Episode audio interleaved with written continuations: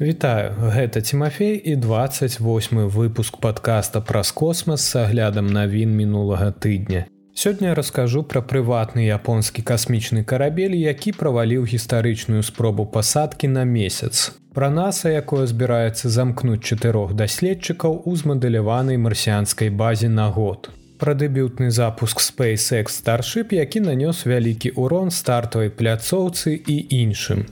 Давайте пачынаць.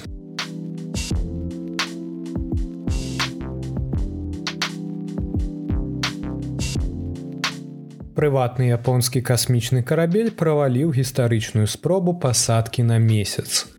Японскі пасадачны модуль Хакута Ар, на жаль, пацярпеў няўдачу ў сваім імкненні ўвайсці ў гісторыю ў аўторак 25 красавіка.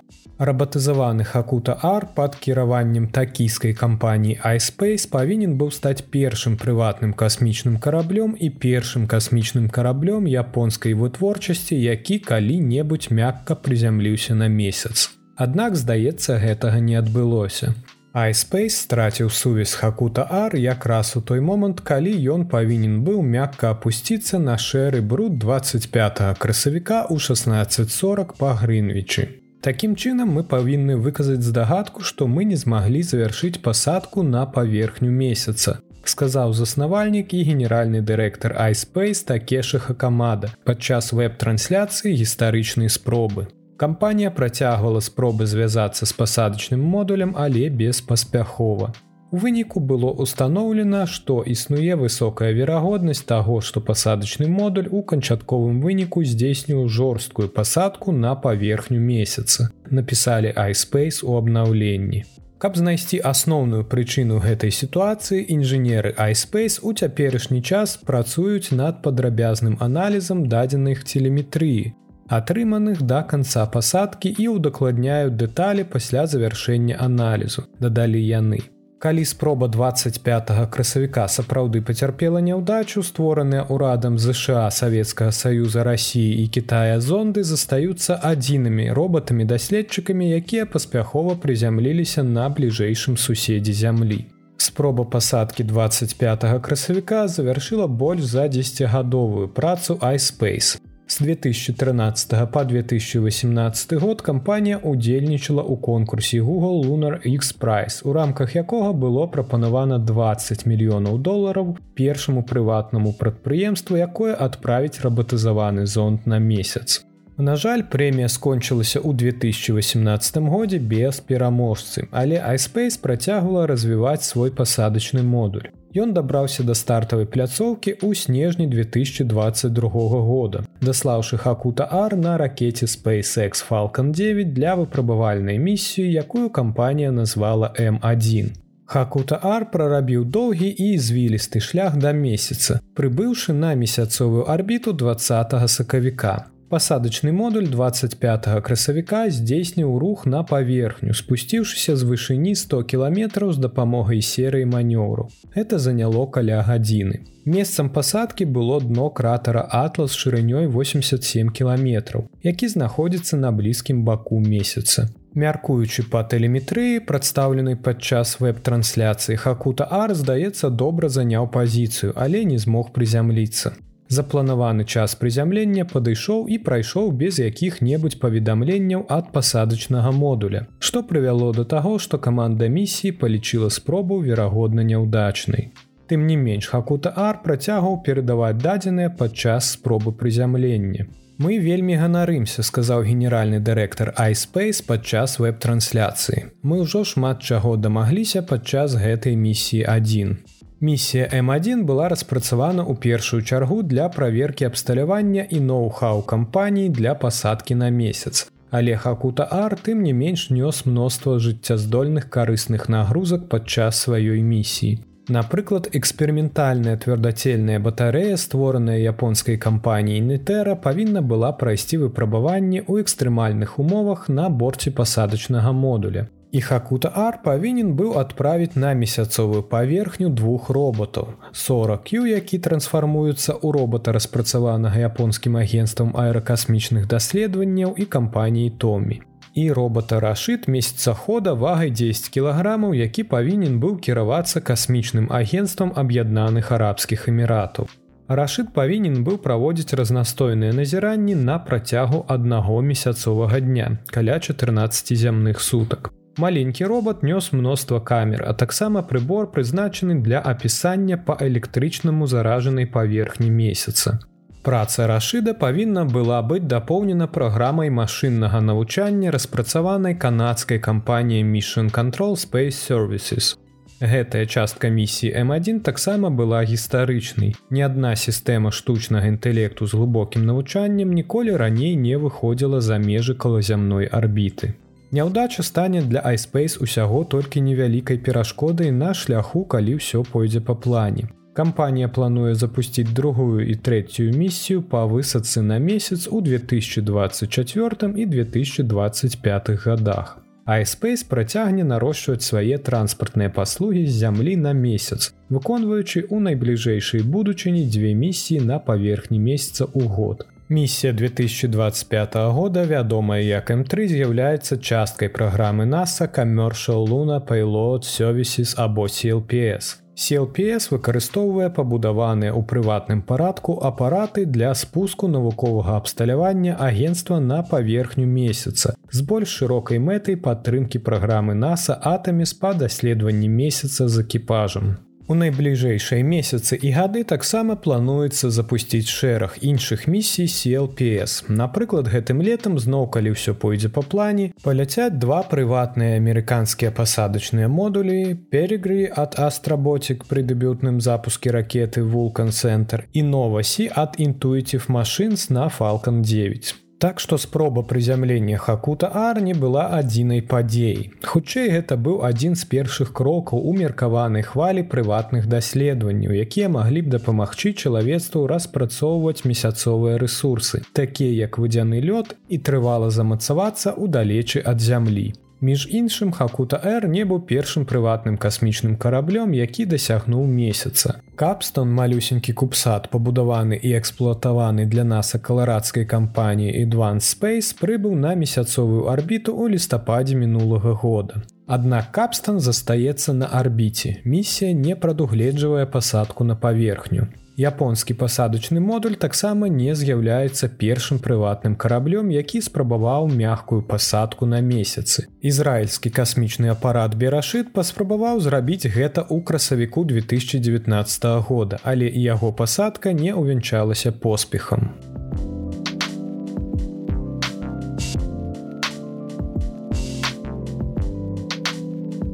NASA збіраецца замкнуць чатырох даследчыкаў у змадэляванай марсіанскай базе на адзін год.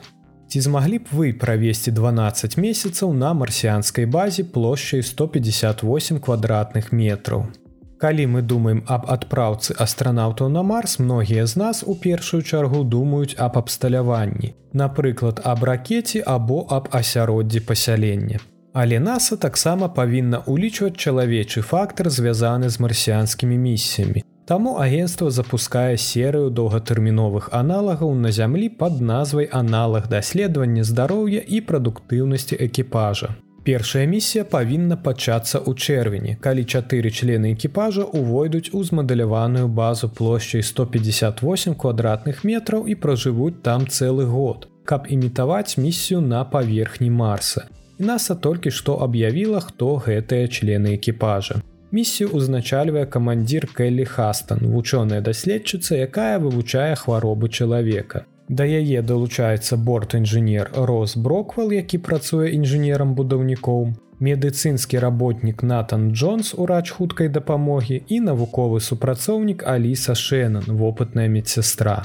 NASA упершыню аб'явіла аб прыёме удзельнікаў місіі ў 2021 годзе патрабаваннямі уключаючы ступень у галіне навукі тэхналогіі інжынеры і матэматыкі, а таксама трэба маць прафесійны вопыт у гэтай галіне, вопыт пілатавання або ваеннае навучанне. У канчатковым выніку кандыдаты павінны былі прайсці тыя ж фізычныя і псіхалагічныя тэсты, што і кандыдаты ў астранаўты, каб упэўніцца, што яны падыходзяць для праграмы. Экіпаж будзе ўдзельнічаць у тых жа відах дзейнасці, што і астранаўты на марсе, ад прыгатавання ежы да практыкаванняў і ўборкі. А таксама ў работах па абслугоўванні асяроддзя пражывання, вырошчванні сельскагаспадарчых культур і навуковых даследаваннях. Яны таксама сутыкнуцца са стрэсавымі фактарамі навакольнага асяроддзя, з якімі астранаўты могуць сутыкнуцца на марсе такімі як адмовы абсталявання і затрымку сувязі з цэнтрам кіравання палётаў з-за адлегласці паміж марсам і зямлёй. Мадэляванне дазволіць нам збіраць дадзеныя аб кагнітыўных і фізычных магчымасцях, каб лепш зразумець патэнцыйны ўплыў працяглых місій на марс на здароўе і працаздольнасць экіпажа, сказала ў заяве наса галоўны даследчык місіі Грейс. У выніку гэта інфармацыя дапаможа наса прымаць абаргунтаваныя рашэнні па распрацоўцы і планавай паспяховай місіі чалавека на марс. Хоць 12 месяцаў могуць здацца доўгім тэрмінам, але астранаўтам, якія адпраўляюцца на марс, верагодна давядзецца трываць адсутнасць дома значна даўжэй. Падарожжа туды і назад зямлі на марс зойме прыкладна 21 месяц, улічваючы час неабходны для падарожжа паміж дзвюма планетамі, плюс чаканне іх выраўноўвання, якое будзе правільным для вяртання і вядома ж частка місіі на паверхні марса можа доўжыцца тыдні ці нават месяцы. Насэмрэч да пілатуймай місіі на марс яшчэ адно ці два дзегоддзі, але падрыхтоўка ідзе поўным ходам. І яшчэ дзве місіі ў змадэляванай марсіанскай базе запланаваныя на 2025 і 2026 год.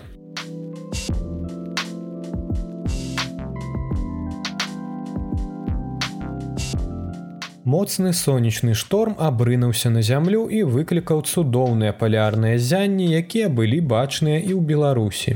І не толькі ў Беларусі асляпляльныя палярныя зянні былі заўважаны па ўсім свеце. Магутная сонечная бура абрынулася на зямлю 23 красавіка ў 1737 па Грынвічы і справакавала цудоўныя палярныя зянні па ўсім свеце. Геамагнітныя буры гэта абурэнні магнітнага поля зямлі, выкліканыя сонечным матэрыялам у выніку выкідаў каранальнай масы, буйных выкідаў плазмы і магнітнага поля з атмасферы сонца.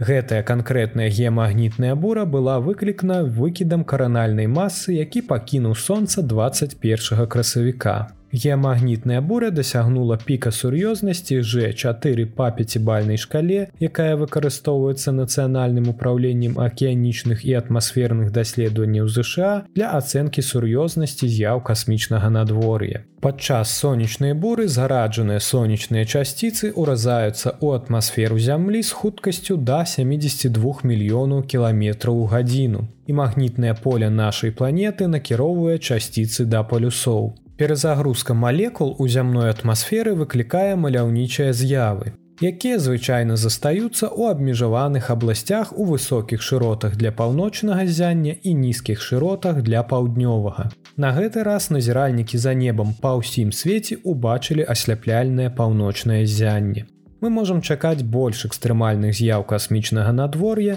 такіх як гэтая геамагнітная бура. Паколькі сонца набліжаецца да піку свайго 11гадовага цыклу сонечнай актыўнасці, які, як чакаецца, адбудзецца ў 2025 годзе.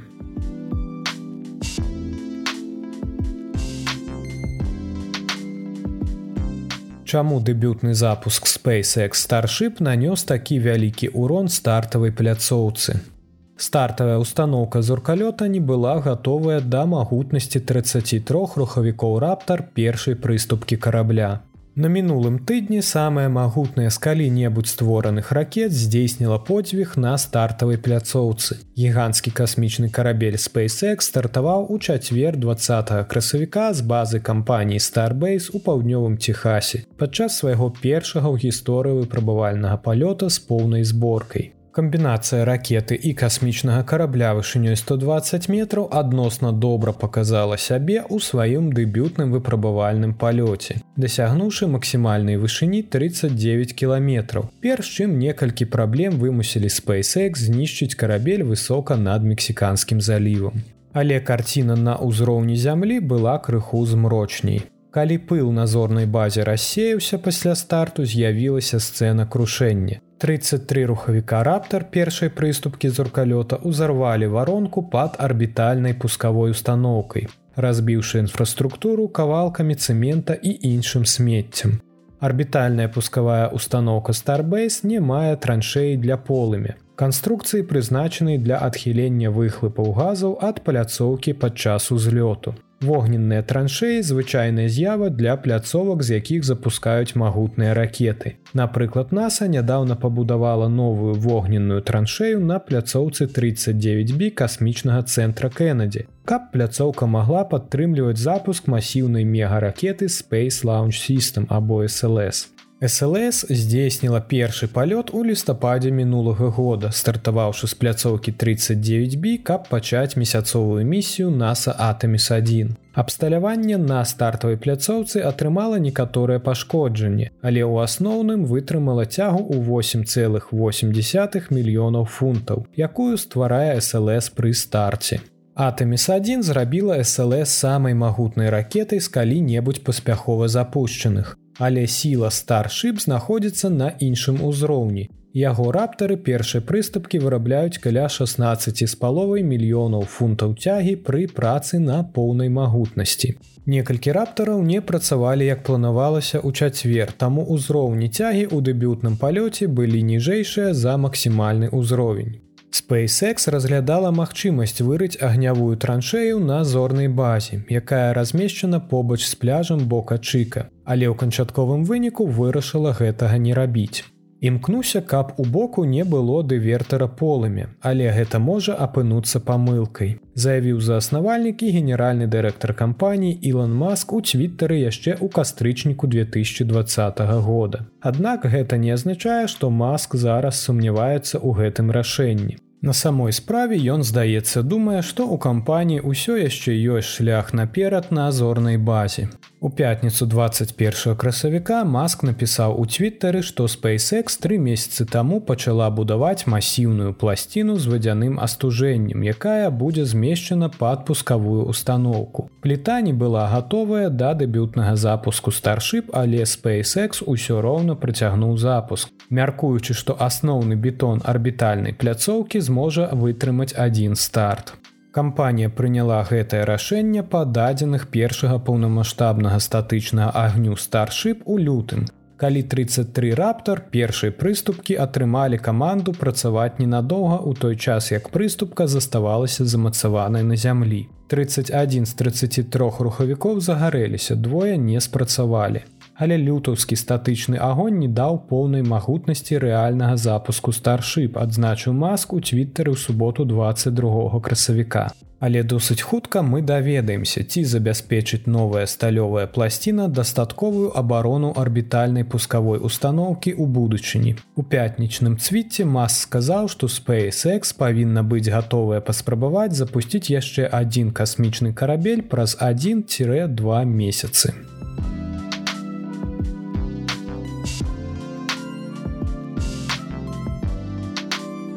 стала доступная 3D мапа чырвонай планеты. Гэта як Google Earth для Марса.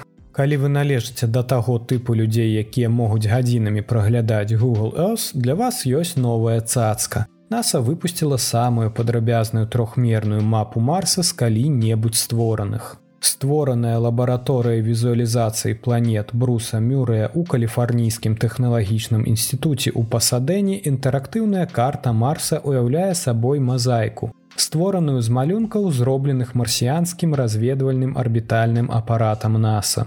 Каманда распрацоўвала карту на працягу 6 гадоў, аб'яднаўшы каля 110 тысячаў выяваў Марса.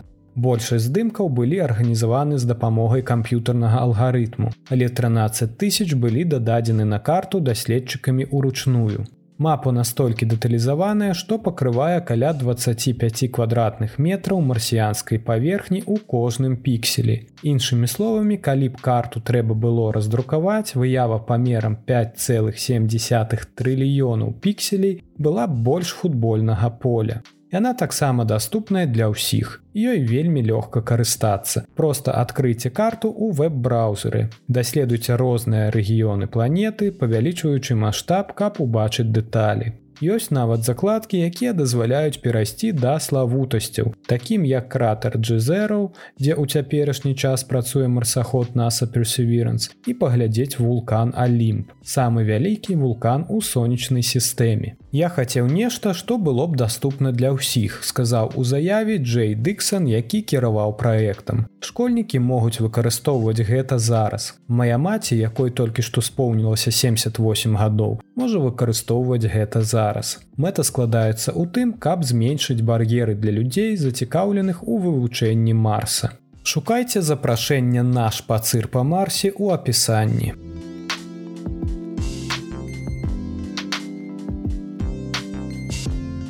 І гэта ўсе навіны, пра якія я хацеў расказаць вам у выпуску. Цяпер пагаворым о падзеях наступнага тыдня. 1 траўня ракета Rocket Lab Электрон запусціць другую пару кюбсад для місіі NASA Tropics. Місія назірання за структурай ападкаў і інтэнсіўнасцю штармоў з часовым дазволам з дапамогай сузор'я малых спадарожнікаў або тропікс будзе выміраць умовы навакольнага асяроддзя і ўнутраныя умовы для трапічных цыклонаў. Гэтыя два спадарожнікі планавалася першапачаткова запусціць на ракете Астрарокет 3. Зараз яны перайшлі на ракету под назвай электрон. Гэтая місія названая Rocket Lab ракета як ураган. 2 траўня ракета Falалcon 9 запусціць яшчэ одну партыю інтэрнэт-спадарожнікаў Starlink версіі 1.5. Ракета носьбіт першай прыступкі Falалcon 9 прызямліцца на беспілотны карабель у атлантычным акіяне. У гэтым годзе кветкавая поўня, пагадзіцеся гучыць вельмі прыгожа. Надыдзе 5 траўня. Месяц будзе здавацца круглым і яркім на папярэдні і на наступны дзень пасля дасягнення поўнай фазы. У ноч з 5 на 6 траўня жыхары большай часткі Еўропы, Афрыкі, Азіі і Аўстраліі змогуць убачыць глыбокае паўцінявое месяцовае зацьменне.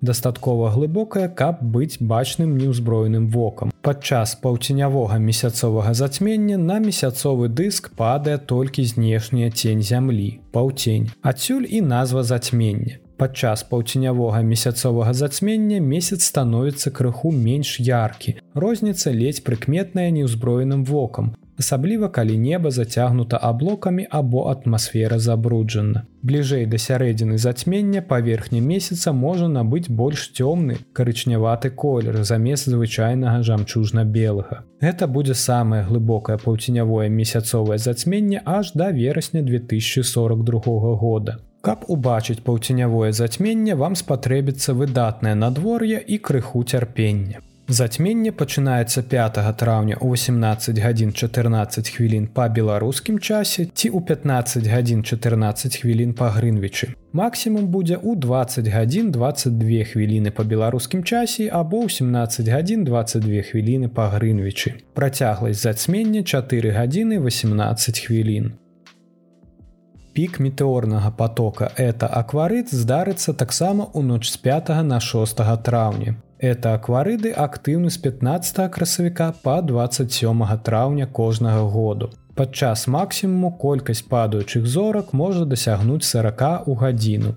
Назіраць за зоркападам рэкамендуецца за горадам, дзе неба не засвечана. Метэарытны дождж названы ў гонар сузор'я, з якога паходзіць метэоры. Я рэкамендую зрабіць вам перапынак аб паўсядзённых клопатаў і адправіцца ў ціхае месца далей ад гарадскога святла і паназіраць за начным небам. Усім добрага надвор'я. Я нагадваю маім падпісчыкам у сацыяльных сетках пра самыя цікавыя падзеі. Таму раю падпісацца, каб нічога не прапусціць. Спасылкі на сацыяльныя сеткі чакаюць вас у апісанні. Дзякуй, што даслухалі да канца. Я хачу выказаць падзяку маім патронам за падтрымку падкаста. Калі вы хочаце далучыцца, то спасылка будзе ў апісанні. Да пабачэння пачуемся ў траўні.